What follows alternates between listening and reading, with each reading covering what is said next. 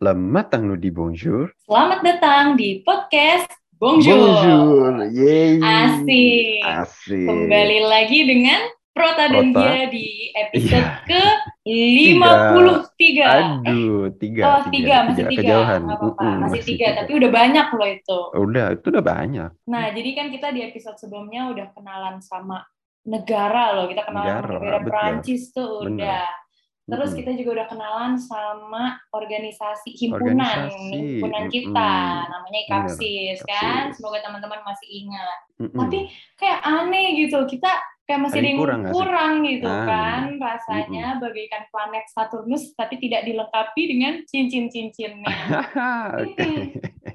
Nah iya sama, jadi dengan kinerja IKAPSIS itu ya nggak akan oke gitu kalau nggak diatur dan diawasi oleh tidak lain Siapa tidak tuh? bukan ketua dan Mhm. wakil ketua IKAPSIS. Oke, akhirnya kita wawancara orang ya. Iya, akhirnya kita kenalannya Kenalan, sama orang kenalan beneran. sama Udah orang, bukan iya. nama negara lagi itu himpunan gitu ya. Ya, bener, bener, bener. Nah, mungkin langsung aja kali ya kita sambut ketua dan wakil ketua IKAPSIS tahun 2022 yaitu Reza, Reza dan dan Anissa. Anissa. Halo. Halo. Bonjour. Bonjour. Comment Bonjour. Bonjour ya, bonjour. Ini podcast bonjour ya. Bonjour. Comment allez-vous? Comment allez-vous? Gimana kabarnya? Gimana kabarnya? Aduh, sahabat biar. Aduh, Sapa Bia. Waduh, Oke, bagus nah, bagus. Masih ingat berarti nih ya Masih bahasa Prancisnya. ingat. Iya, iya. Nah, tapi em, ini nggak bakal gini-gini terus ya. Maksudnya masa tanya jawab, tanya jawab aja kan nggak seru gitu ya. Jadi setelah menanyakan kabar gitu, kita akan kenalan lebih dalam. Tapi sambil main game. Sekarang ada beberapa gitu. Tapi yang pertama namanya Do You Know Me? Nah, jadi kalau ada yang belum tahu, kita istilahnya memberikan waktu 30 detik gitu ya untuk uh, masing-masing peserta. Kemudian kita menanyakan nih informasi-informasi tentang peserta lain yang general information lah gitu kan, informasi-informasi umum. Tapi mereka harus jawab dengan cepat dan dengan benar. Nah, yang paling banyak jawab benar itu menang, yang paling sedikit jawab benar itu kalah. Yang kalah ngapain nih? Gi? Enaknya diapain nih? Dengar-dengar Nisa sama Reza nih suaranya bagus loh. Ya tentu Apa saja nyanyi. Gitu. Nyanyi, oke, nyanyi. melodi-melodi indah buat Waduh. para pendengar nanti kan. Hmm, mm-mm. Tapi karena kita ini ya mahasiswa sastra Prancis, jadi nyanyinya apa nih? Nyanyinya lagu dangdut Prancis. Aduh. Enggak, enggak, enggak.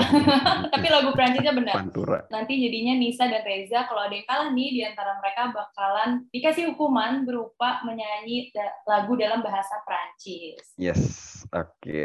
Tapi Lagunya apa? apa ya nanti Nah, sih ya, tunggu aja ya, tunggu dinyanyiin nanti Oke. teman-teman tebak lagu apa nih gitu. Kalau benar nanti Oke. langsung dibeliin bere sama Prota.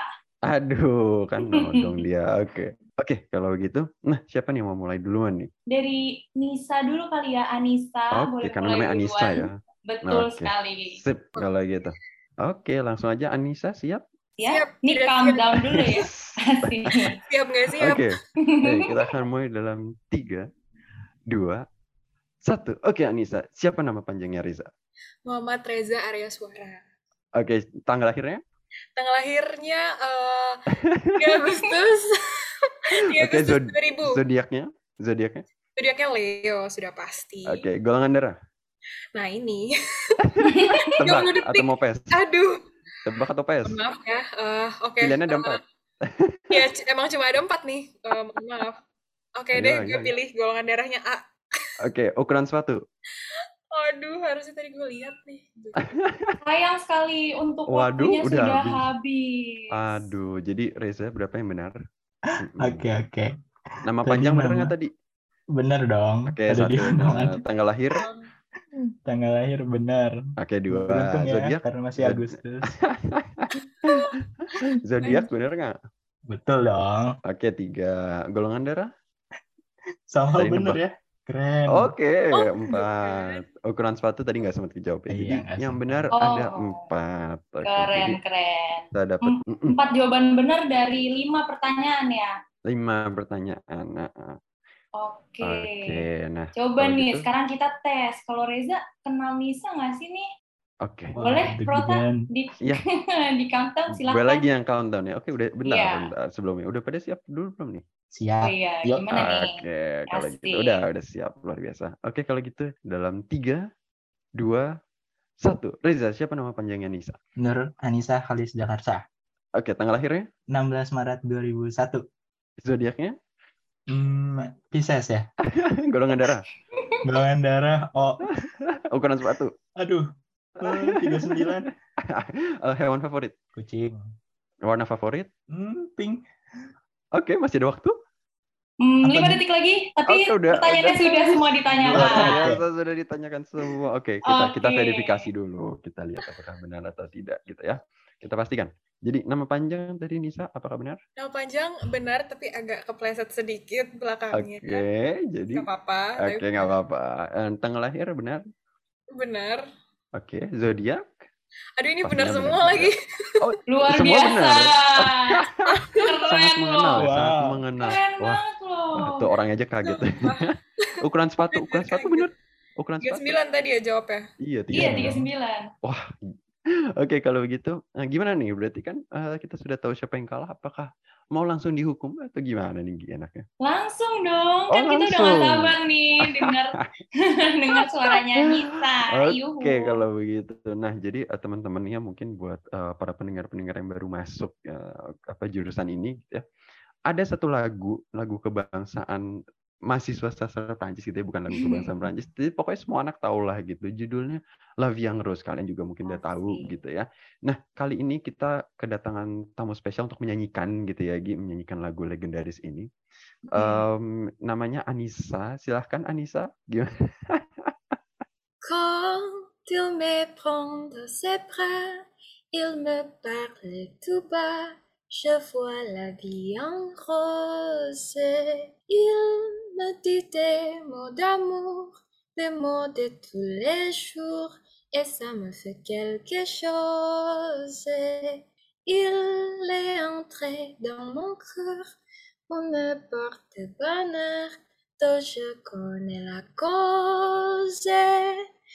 C'est lui pour moi, moi pour lui dans la vie. Il me l'a dit, là, j'aurai pour la vie. Et dès que je l'aperçois, alors je sens en moi mon cœur qui bat. Kok merinding? Bagus banget. Iya, gak apa Malu Ini- banget. Keren Jujur. banget. Jujur, Ternyata yang kalah jujur. nih emang emang udah ditakdirkan sengaja, ya. sengaja. Heeh, sengaja, fix. sengaja emang emang harus Nisa yang Oh. kalah karena suaranya keren banget. Kok keren? Ih, keren banget. Bisa bisa angkor nggak Nisa? Bisa angkor nggak? Bisa angkor, angkor. Request Ayo. lagu Prancis lain. harus sih, harus. keren keren keren. Luar biasa loh ini wakil ketua IKAPSIS kita. Betul, ketua IKAPSIS luar biasa. Iya, jadi kalau kalian mau mendengar suara Mas Nisa lagi, masuklah ke jurusan ini. Betul. Eh kan udah masuk nih buat teman-teman. Oh iya, benar udah Mahasiswa masuk. Jadi kalian oh, beruntung, masuk. kalian beruntung banget. Beruntung. Kalau mau masuk IKAPSIS-nya. Nah, biar lebih betul, dekat betul, dengan betul. Biar Anissa. lebih dekat. Mm-mm. Tapi kita gamesnya nggak akan selesai di sesi pertama aja, karena kita abis ini mau main games lagi nih di sesi kedua ini. Hmm, apa tuh? Nah, kira-kira teman-teman udah pernah dengar belum nih game TMI Tag? Wah, Nah, Prata udah pernah dengar belum nih? Enggak tuh, nggak pernah. Apa tuh? Nah, jadi TMI Tag itu too much information. Oh, Tapi kalau TMI itu Tag artinya. itu dia kayak Oh, tren atau bisa dibilang juga ya game gitu kali ya untuk kayak lah. Q&A tentang diri sendiri gitu. Oke. Mungkin langsung kita tanya aja kali ya pertanyaannya nih ke Nisa dan juga Reza. Nanti jawabnya boleh bergantian aja. Jadi kita kayak ngobrol-ngobrol gitu. Gimana Oke, Nisa dan Reza udah siap kah? Siap dong. Udah dong. Oke, mantap. Jadi langsung aja nih pertanyaan yang pertama. Kenapa Nisa dan Reza memilih untuk turut aktif di IKAPSIS? Wah, dari siapa nih, Nis? Siapa? Dari siapa? Eh, lo deh, boleh. Oke, sebenarnya gini, gue itu emang suka banget yang namanya ketemu orang gitu ya. Dan gimana ya? Dan di kasus ini, gue rasa emang ini tuh salah satu wadah di mana gue bisa satu ketemu orang-orang baru, terutama nanti kalau ada mahasiswa baru, ya kan, terus juga teman-teman beda angkatan, antar angkatan pun juga antar alumni juga kadang kita juga sering berhubungan gitu meskipun memang uh, tidak seintens dengan teman angkatan ataupun teman-teman mahasiswa baru gitu. Nah, organisasi atau kepanitiaan itu gue pandang memiliki banyak manfaat gitu ya. Jadi satu yang tadi relasi dua soft skill gue itu entah itu bagaimana cara berhubungan dengan orang terus juga mengetahui sifat-sifat orang ya karena kan beragam juga gitu. Um, jadi ya itu gue rasa ikapsis ini ya bisa jadi tempat gue buat aktif apalagi alhamdulillahnya gue sama Nicung atau Nisa itu kepilih.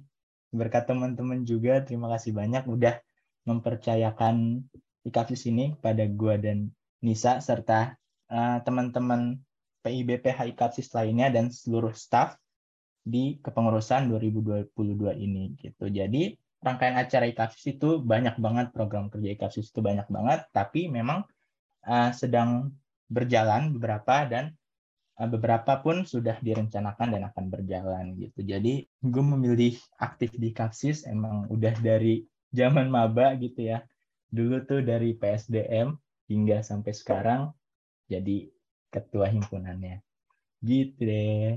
Luar biasa. Wow, oke. Okay. Oke, mungkin kita tanggepinnya setelah Nisa dulu kali ya, Nisa setuju, ngobrol setuju. dulu. Hmm. Boleh, silakan Anissa. Oke, gue setuju banget sama jawaban Reza tadi. Dan sebenarnya uh, jawaban gue pun juga uh, hampir sama yang kalau di kalau masuk organisasi itu apalagi benar-benar bisa berkontribusi banyak itu pasti bakalan uh, mengasah uh, soft skill yang lain juga. Dan uh, seperti bersosialisasi dengan orang, dengan orang banyak, uh, dan dengan usia yang berbeda-beda, uh, bahkan dengan alumni-alumni yang udah jauh gitu uh, usianya dan latar belakangnya. Sekarang mereka juga udah bekerja di tempat-tempat yang keren banget jadi uh, bisa dapat banyak inspirasi dari mereka. Terus bertemu juga uh, sama orang-orang yang karakteristik dan personalitinya tuh beda-beda jadi uh, belajar sedikit banyak belajar untuk uh, gimana cara menanggapi uh, orang yang berbeda-beda. Terus juga aktif di IKAPSIS tuh uh, bikin jadi uh, oh ya uh, sastra Prancis atau prodi Prancis ini atau IKAPSIS ini adalah rumah juga loh jadi kita juga bukan cuma kuliah di sastra Prancis tapi juga uh, lebih dekat sama prodinya juga orang-orangnya jadi kayak merasa uh, kalau IKAPSIS itu adalah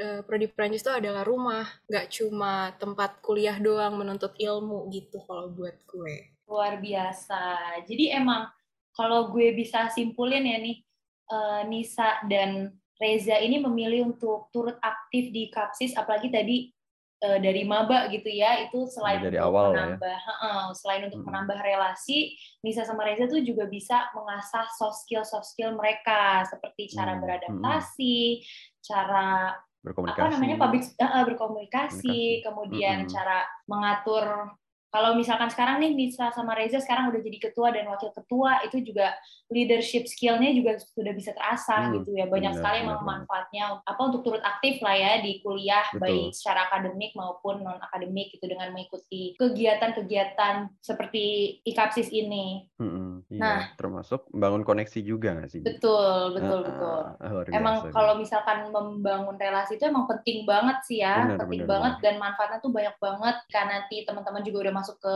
dunia kerja gitu. Jadi manfaatkanlah kesempatan ini selagi teman-teman masih bisa gitu. Iya. Oke, pertanyaan selanjutnya nih, apa sih sebenarnya nih yang mau Nisa dan juga Reza capai dari kepemimpinan IKAPSIS tahun ini? Mungkin tadi kan sudah dimulai dari Reza, sekarang dari Nisa dulu boleh kali ya? Oke, boleh. Apa yang mau dicapai uh, dari kasus tahun ini adalah sebenarnya gue sama Reza juga lagi sedang reconstruction IKAPSIS karena dari dua tahun lalu. Kemarin itu kan online ya, dan kita juga yang pertama kali dapat online juga, tapi juga ada offline-nya nanti di semester besok. Jadi kita juga masih meraba-raba nih uh, kayak apa sih nanti kalau IKAPSIS kita terjun langsung kayak secara offline, ketemu beneran sama orang-orang anggota-anggota kita dan berinteraksi langsung gitu loh dengan program-program kerja uh, yang akan nantinya akan lebih banyak lagi gitu di paruh kedua nanti. Uh, jadi uh, yang mau dicapai adalah semoga IKAPSIS kepengurusan yang kami pegang ini bisa jauh lebih baik bisa jauh lebih baik dan bisa visi misinya dan tujuannya uh, yang sudah kita bangun bersama di awal bisa terrealisasikan dengan baik dan juga bisa lebih merangkul anggota-anggota IKAPSIS dan uh, orang-orang di prodi Prancis lainnya juga sih dan bersama dosen juga bisa jadi lebih dekat itu aja. Oke, luar biasa. Emang nilai kekeluargaan ini sangat apa ya, sangat kental gitu ya di IKAPSIS ini. Rasa lah ya. Mm -hmm, kerasa banget. Mungkin selanjutnya kita boleh dengar dari Reza dulu kali ya nih, baru ya, kita dari Bapak Ketua, kita cerita kapan. Silakan.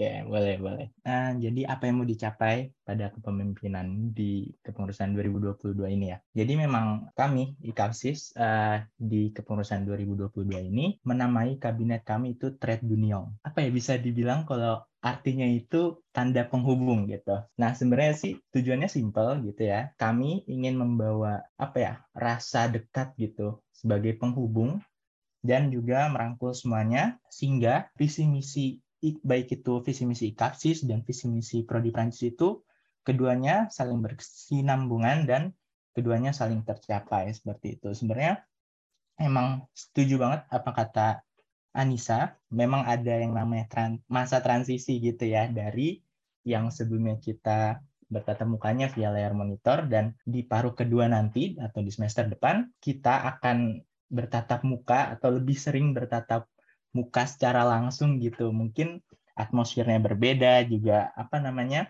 uh, bagaimana kita menangani entah itu permasalahan atau uh, apa namanya program kerja itu mungkin uh, dengan berbeda juga sesuai dengan adaptasi yang akan kita lakukan di uh, masa transisi tersebut. Keren, keren okay. sekali.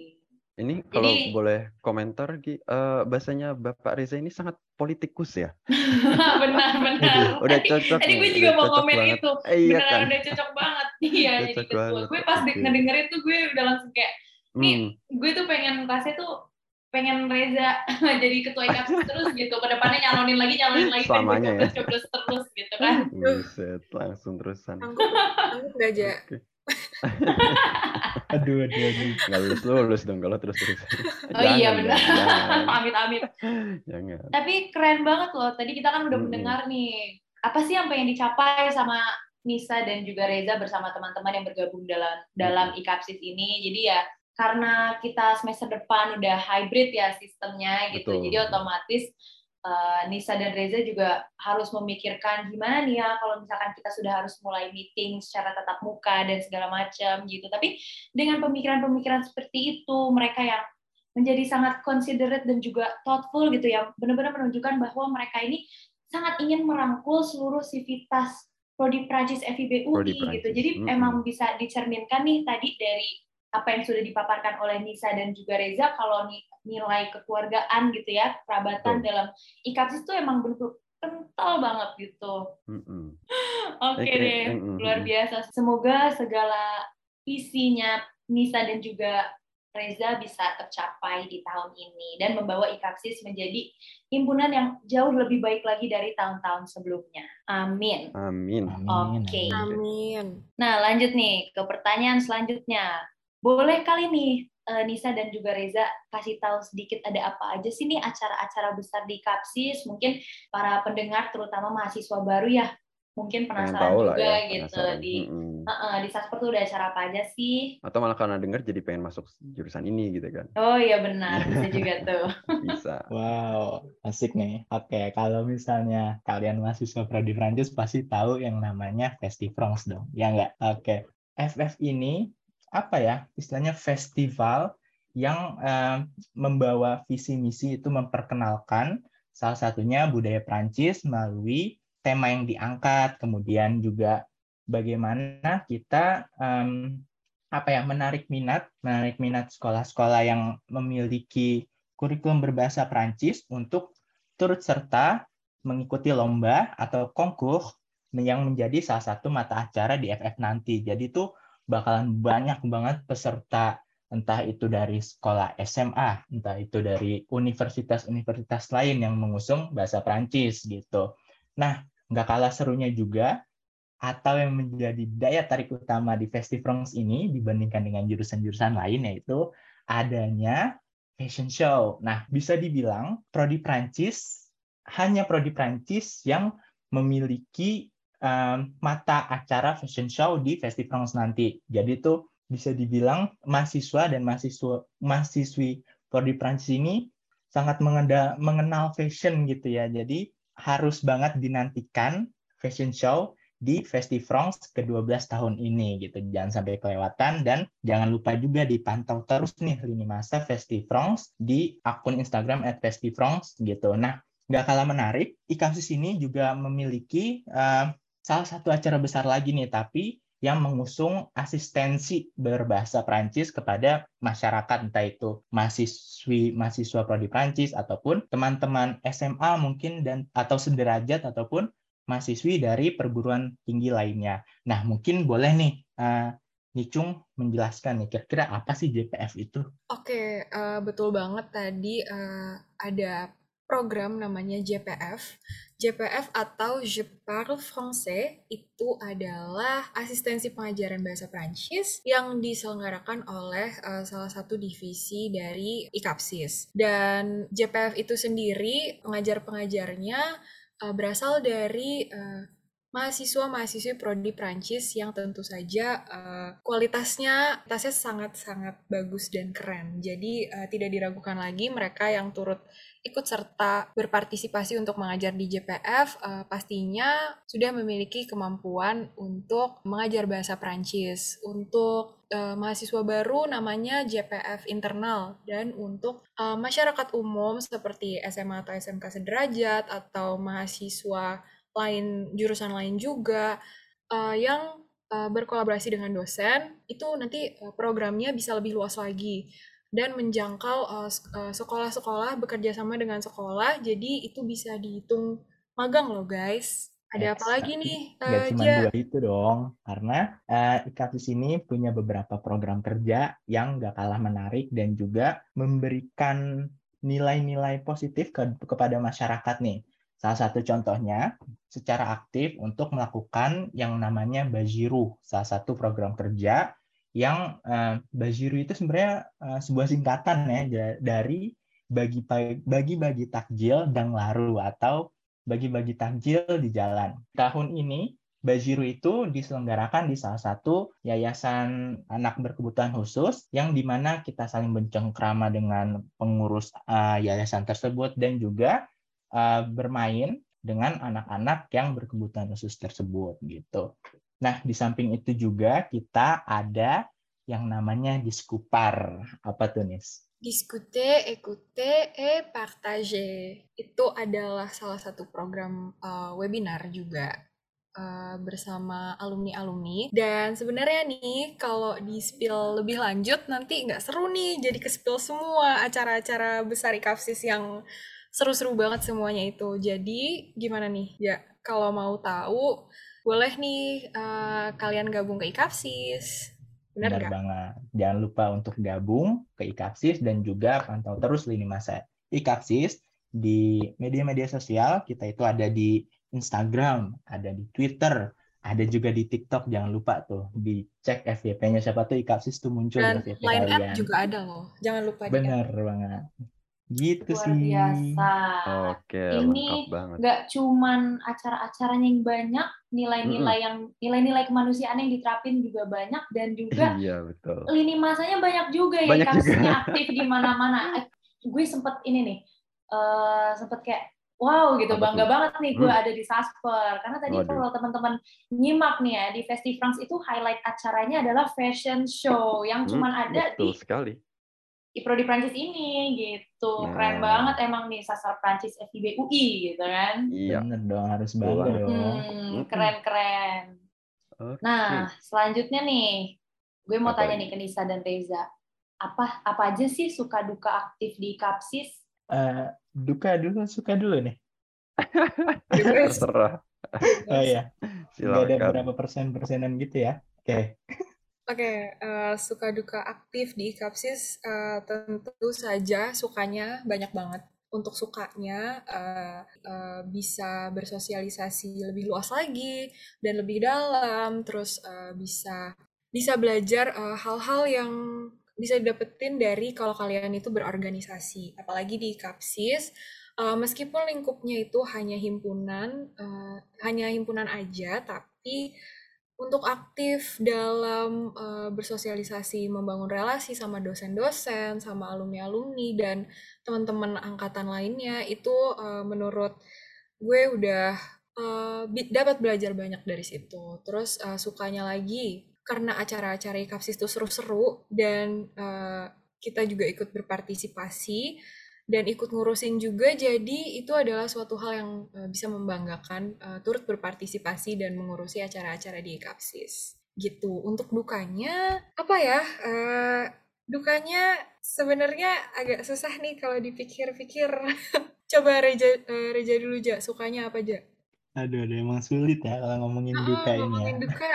Mikir dulu okay. ya benar-benar sukanya setuju banget gue sama Nisa karena nggak uh, cuman kita apa ya istilahnya memfasilitator memfasilitatori atau mengawasi bagaimana program-program kerja ini berjalan dengan lancar kita juga turut ikut gitu ya me, turut terjun ke lapangan gitu di beberapa program kerja sehingga juga kita bisa merasakan nih bagaimana teman-teman dari uh, eh, PIBPH lain serta staff-staff ini sudah apa ya bisa dibilang tuh sudah mempersiapkan uh, program kerja ini secara matang gitu. Jadi kita, oh iya keren juga nih persiapan mereka sehingga apa ya program-program kerja IKAPSIS yang telah direncanakan itu dapat berjalan dengan baik seperti itu. Sukanya lagi yaitu kalau kita turun langsung ke lapangan kita bisa ketemu nih sama teman-teman staff, teman-teman PBPH yang di mana apa ya bisa dibilang di dua tahun belakangan ini kita agak sulit ya untuk bertemu secara langsung gitu ber apa bertatap muka secara langsung gitu. Jadi kayak wah seru banget nih gitu ngobrol secara langsung dan untuk dukanya apa ya Nis ya? Pastinya ngebagi Bukan. waktu sih. oh iya sih benar. Benar bang. Paling uh, pas susah sus, pas susah susahnya tuh adalah gimana ya manajemen waktunya. Paling kita bingung itu aja sih. Kayak uh, akademis juga bertumpuk-tumpuk tapi juga ini organisasi juga gak bisa ditinggal jadi uh, memanage antara dua itu. Dan kayaknya itu sebenarnya hal yang umum dirasakan sama kebanyakan orang lah ya memanajemen waktu susah gitu. Jadi dukanya sebenarnya sejauh ini hanya itu dan semoga cuma itu. Mantap. Oke. Okay. ini mungkin yang ya pastinya ya nih uh, sukanya tuh bergabung di kapsis banyak banget. Tapi -hmm. ya tadi sempat di-mention juga ada dukanya. Tapi gue beneran juga. setuju banget sih sama uh, Reza dan juga Nisa. Kan tadi kita udah ngomongin nih seputar IKAPSIS, kayak visi yang mau dicapai apa, acara-acara hmm. besar IKAPSIS apa. Terus Betul. tadi yang terakhir banget suka duka. Nah sekarang kita pengen sedikit-sedikit ngegosip gitu. Soalnya kan kita emang prodi prodi gosip lah ya prodi gitu gosip. kan. Mm -mm. Jadi kan? pertanyaan betul sekali karena tembok aja bisa ngomong. Kayak. Nah jadi pertanyaan terakhir untuk games TMI Tech ini kita mau nanya nih ke Nisa dan Reza, apa sih stereotip anak-anak sastra? Mahasiswa-mahasiswa anak sastra Prancis tuh uh, fashionable itu biasanya stereotipnya. Tapi itu sebenarnya bukan stereotip sih, itu emang fakta. Tapi tapi benar sih, benar juga karena memang uh, banyak yang bilang kalau misalkan anak-anak sastra tuh cantik, ganteng, fashionable gitu kan. Ya, kayak masuk UI cantik ya. Iya. Waduh. Orangnya di situ. Aduh. Identik lah sama Prancis kan identik dengan kata mode ya anak-anaknya hmm. juga identik dengan kata hmm. fashionable gitu. Iya betul. Setuju, setuju. Nah kan tadi dari Nisa udah nih. Sekarang mungkin kalau dari Reza apa nih kira-kira stereotip hmm. anak-anak sasper? Apa ya? Uh, anak prodi Prancis itu bisa dibilang mahasiswi mahasiswanya itu sangat aktif. Entah itu di kegiatan dalam kampus, dalam fakultas maupun dalam himpunan, bahkan juga di luar kampus itu sendiri. Karena kalau kita melihat susunan panitianya serta orang-orang di balik kesuksesan acara tersebut, pasti kita nggak jarang ngelihat banyak banget anak-anak prodi Prancis yang ikut kegiatan-kegiatan tersebut. Bisa dibilang gini ya, hmm, sebenarnya perkuliahan itu ada di tangan kita. Kita itu mau aktif berorganisasi atau uh, kita punya jalan lain yang kita ingin jajaki gitu ya entah kita ingin membangun karir ataupun bisa dibilang kita ingin turut aktif dalam segala kegiatan kampus sehingga kita punya bekal nih nanti di dunia kerja gitu sih. Jadi Kalau dari gue sendiri, gue ngelihat nah, anak-anak sasper ini pada ambis ya. Gimana boleh Bu Gia sama Bapak Prota? Oke nih, kalau Hmm. bisa gue simpulin tadi dari Reza anak-anaknya cantik, ganteng, Fashionable, fashionable. Kalau dari. Reza ambis. Nah, bisa kita simpulkan anak-anak Prancis itu beauty and handsome with brain gitu kan. Iya. lengkap ya lengkap berarti ya Lengkap. Anak-anak Prancis itu paket lengkap dan itu bukan stereotip melainkan itu adalah fakta. itu fakta Iya. Hmm, Gimana nih? memang benar gitu ya oke nah tapi ngomong-ngomong ini kan udah banyak pertanyaan nih Gi gue jadi keinget satu pertanyaan sebenarnya buat lo Apa tuh? jadi would you rather ini Mm-mm. sesinya kita selesaikan episodenya atau would you rather kita lanjut Oh, tentunya kalau misalkan gue sih Mm-mm. mendingan lanjut main. Oh, aduh, oke, Masih pagi siap. nih. Masih pagi, masih pagi. Lanjut main. mm-mm, orang masih jam 9 pagi nih kan. Betul. Oke, kalau gitu kita lanjut main. Jadi sekarang ada lagi game ketiga. Namanya seperti yang tadi sudah dicoba, namanya Would You Rather. Nah, tapi biar seru mungkin ya, nanti eh, akan ada dua pilihan. Kemudian em, ketua dan wakilnya nanti eh, kan ada dua pilihan nih.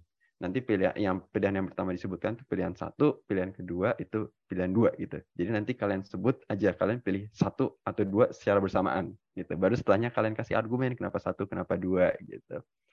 Oke, jadi em, gimana? Udah siap nih ketua dan wakil ketua IKAPSIS? Jadi barengan ya jawabannya. Iya, Oke, jadi oke. Ah, oke. Jadi dari yang pertama dulu nih. Would you rather satu masuk universitas favorit tapi jurusan tidak favorit atau dua jurusan favorit tapi universitas tidak favorit? Oke, bareng-bareng ya jawabnya. Satu, dua, tiga. Satu. Satu. Oke, sama berarti sama. Masih kita kita sama. coba dengerin. Kita coba dengerin dari eh, siapa dulu nih yang mau nih memberi argumen kenapa satu? Siapa? Gue deh.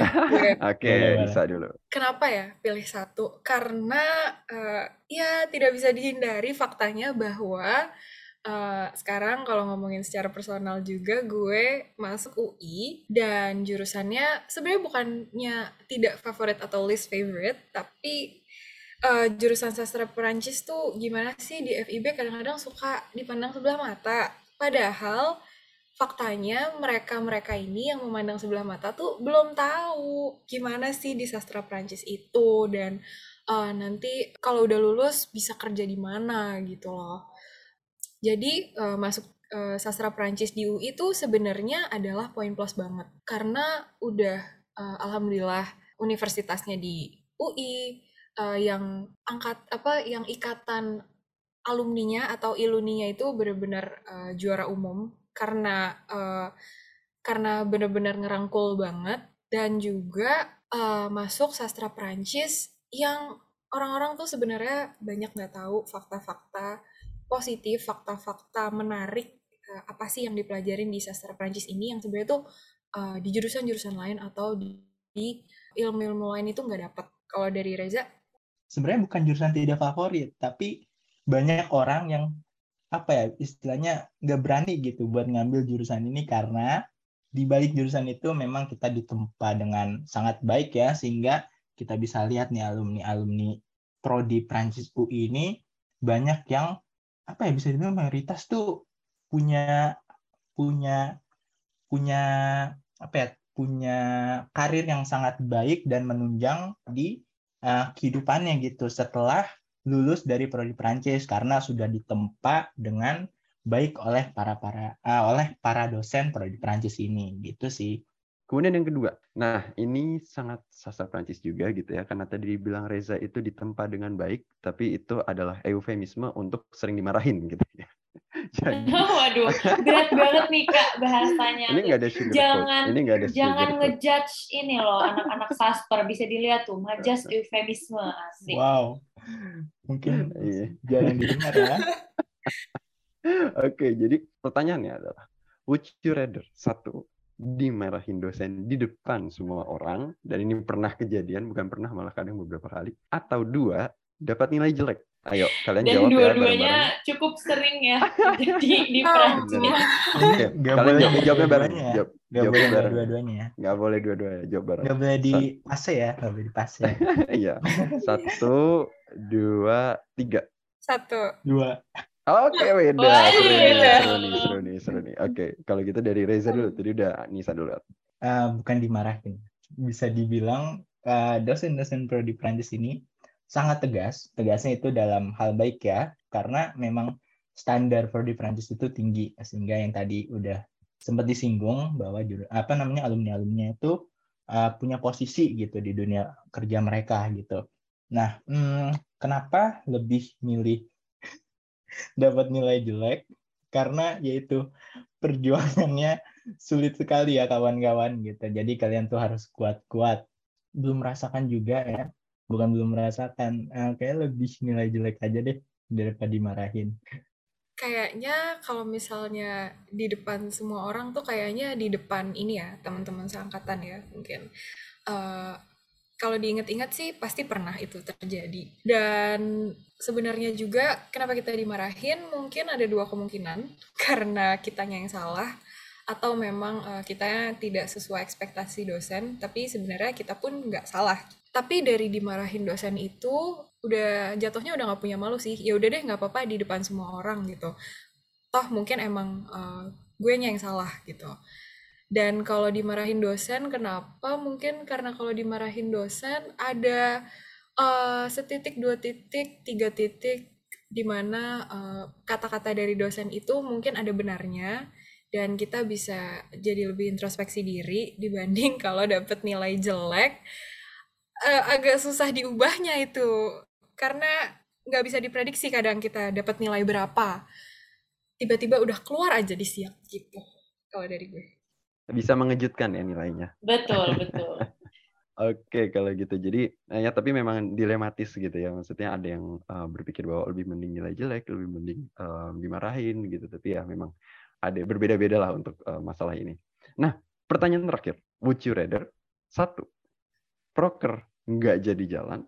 Atau dua, ada konflik internal dalam organisasi. Nah, ini, ini sangat Hmm, menyentuh Menarik ya. eh, pekerjaan kalian di Kapsis nih.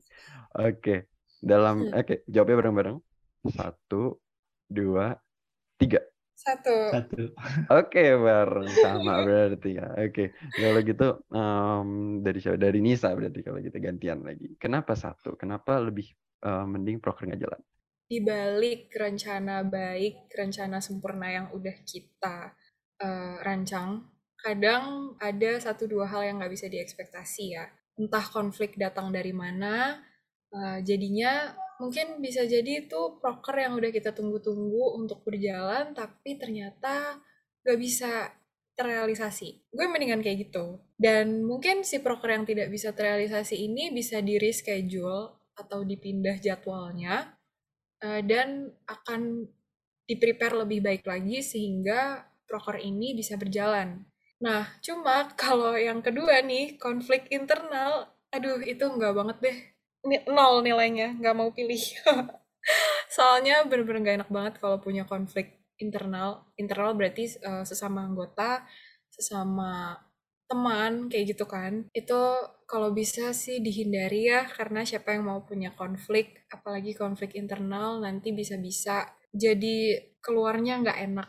Oke, kalau gitu eh, kalau dari Reza gimana nih? Setuju banget sama Nisa. Jadi gue punya prinsip kalau lingkungan tempat kita untuk bertumbuh atau kita kerja gitu, ke lingkungan tersebut kurang mengenakan juga em, bisa dibilang toksik gitu ya. Itu sudah jelas mungkin di beberapa orang eh, akan mengekang kita gitu. Jadi salah satunya konflik internal ini. Jadi kalau misalnya ada suatu konflik internal gitu dalam entah itu persiapan proker ataupun dalam apa namanya antar divisi itu banyak bisa dibilang ber- sangat berdampak gitu ya bagi eh, lingkungan buat teman-teman di kasus ini untuk tumbuh berkembang gitu. Karena memang eh, gue sama Nisa itu sangat amat menghindari yang namanya konflik internal meskipun emang kadang perbedaan pendapat itu sulit banget dihindari gitu sih. Tapi eh, kita lebih ke arah eh, gimana nih solusinya? gitu. Solusi tengahnya itu seperti apa gitu. Jadi di kedua belah pihak pun enak gitu dan eh, nggak ada yang namanya konflik internal. Gitu sih. Nah, jadi setelah kita ngobrol banyak banget nih sama Nisa dan Reza sekalian tadi main game juga sempet ngedengerin Nisa nyanyi juga dan jujur aja gue happy banget sih. Kayak meskipun gue juga ngisi host dan gue merecap apa yang telah mereka omongin tapi gue juga merasa belajar banget banyak banget gitu dari Mhm, mhm. podcast ini kan Bener, Nah. berguna sih. Heeh, jujur berguna banget gitu tapi mungkin sebelum kita akhiri kali ya mungkin boleh Nisa sama Reza kasih pesan nih buat teman-teman mahasiswa baru Yes, atau teman-teman pidato penutup. Eh, eh, sesama Ayo. prodi Prancis gitu kan atau buat teman-teman pendengar lainnya di luar eh, di luar prodi Prancis juga boleh banget silahkan dari siapa Waktu dulu dan nih kira-kira dipersilahkan. Boleh dari gue dulu ya. boleh Oke. boleh dong silahkan. Nisa Ini sebenarnya tertuju buat mahasiswa baru aja sih. Eh, bienvenue atau selamat datang di Prodi Prancis ya. Semangat menempuh kuliah di sastra Prancis ini. Eh, kalau dari gue, selain tekun di akademis, silahkanlah kalian bersosialisasi dengan baik alias perbanyak relasi dan jadi mahasiswa atau mahasiswa yang mau serba tahu hal-hal positif. Gitu. Kalau dari Reza apa nih? Hmm, dari gue eh, singkat aja ya. Jadi gue mau mengutip salah satu eh, bisa dibilang alumni ya, Bang Teddy. Jadi itu sangat mengena banget di gue sewaktu gue maba. Jadi eh, Bang Teddy bilang gini, kalian boleh pergi jauh-jauh dari rumah kalian atau prodi Prancis UI ini, kalian boleh malang melintang di kegiatan fakultas, kalian boleh malang melintang di kegiatan atau acara-acara tingkat UI bahkan di luar UI, tapi kalian jangan lupa sama rumah kalian yaitu prodi Prancis ini. Dan juga eh, IKAPSIS gitu. Tempat kalian tumbuh berkembang atau keluarga kalian yang pertama kali gitu loh. Karena di prodi Prancis kalian apa susah senang bareng-bareng mengikuti segala mata kuliah bareng-bareng itu sih. Oke luar biasa sekali. Keren sekali ya. jadi ya gitu buat teman-teman. Pokoknya semangat dan bersenang-senanglah karena kalian sudah diterima gitu ya khususnya untuk mahasiswa baru di prodi Prancis karena banyak banget manfaat yang bisa kalian dapetin baik dari pelajarannya dari Betul. treatment dari dosennya kemudian Betul. eh, kemudian dari organisasinya juga gitu kan Mm-mm. nah emang tapi seru banget sih sejujurnya gue sedih sih harus kayak nyelesain podcastnya sekarang karena beneran bahasannya seru banget dan super bermanfaat tapi nggak apa-apa juga bisa lah ya sleep call dong lama-lama Sleep call. Jadi ya kalau misalkan teman-teman mau tahu lagi nih eh, ilmu-ilmu lainnya bisa pantau terus lini masa kita. Teman-teman bisa juga Yes. ngedapetin info menarik seputar Prancis atau negara frankofon lainnya di podcast Bonjour dan juga dari eh, lini masa Ikapsis seperti Instagramnya, Twitter, TikTok dan lain-lain. Semua media sosialnya. Mm-mm. Jangan lupa di follow medsos-medsosnya dan jangan lupa dengerin podcast Bongjur terus-terusan ya, karena yes. seru banget dan bermanfaat. Oke, okay, okay, kalau, kalau gitu. gitu Gia dan Prota pamit undur diri dan sampai, sampai jumpa. jumpa.